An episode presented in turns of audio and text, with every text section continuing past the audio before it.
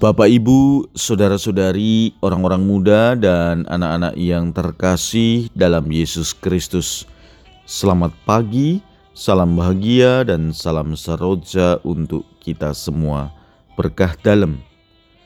Bersama dengan saya, Romo Antonius Garbito Pambuaji menyampaikan salam dan berkat Allah yang Maha Kuasa dalam nama Bapa dan Putra dan Roh Kudus. Amin.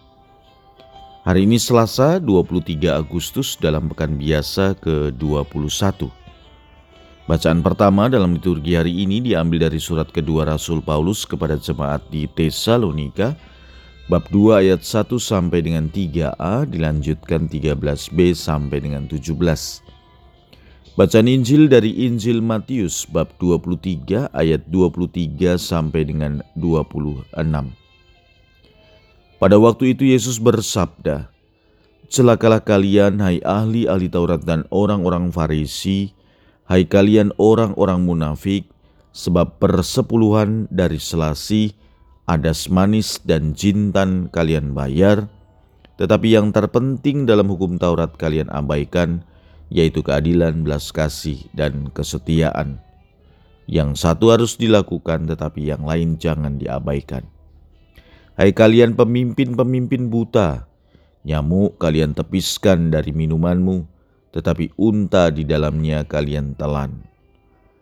Celakalah kalian, hai ahli-ahli Taurat dan orang-orang Farisi, hai kalian orang-orang munafik, sebab cawan dan pinggang kalian bersihkan sebelah luarnya, tetapi sebelah dalamnya penuh rampasan dan kerakusan.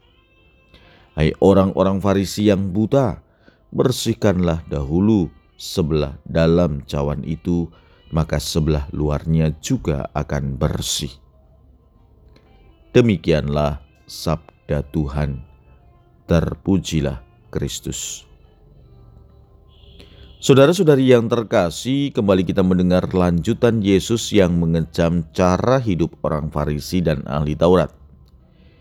Yesus pun tidak asal tuduh, semua didukung dengan bukti. Tujuan Yesus bukan untuk mempermalukan para ahli Taurat dan orang-orang Farisi, tetapi hendak menegur segala kemunafikan mereka dan meluruskan apa yang terpenting dalam hukum Taurat. Ada dua hal yang dikritik oleh Yesus terhadap perbuatan mereka.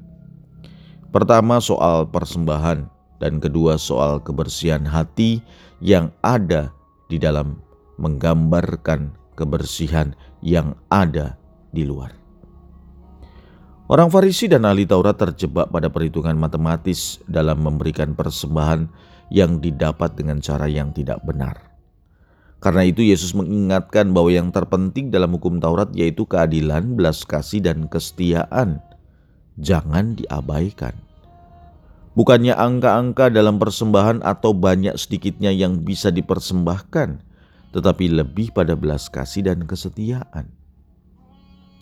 Selanjutnya, pada hal yang kedua, Yesus mengingatkan bahwa ibadat dan hidup harus berkaitan.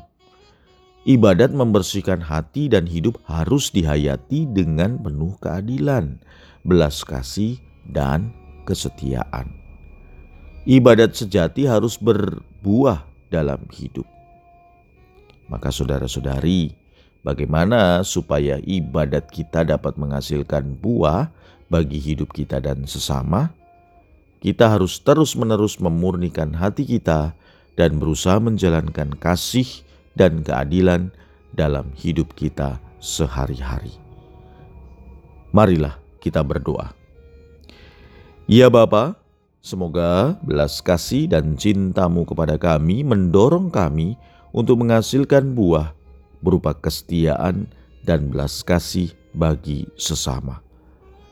Berkat Allah yang Maha Kuasa, dalam nama Bapa dan Putra dan Roh Kudus. Amin.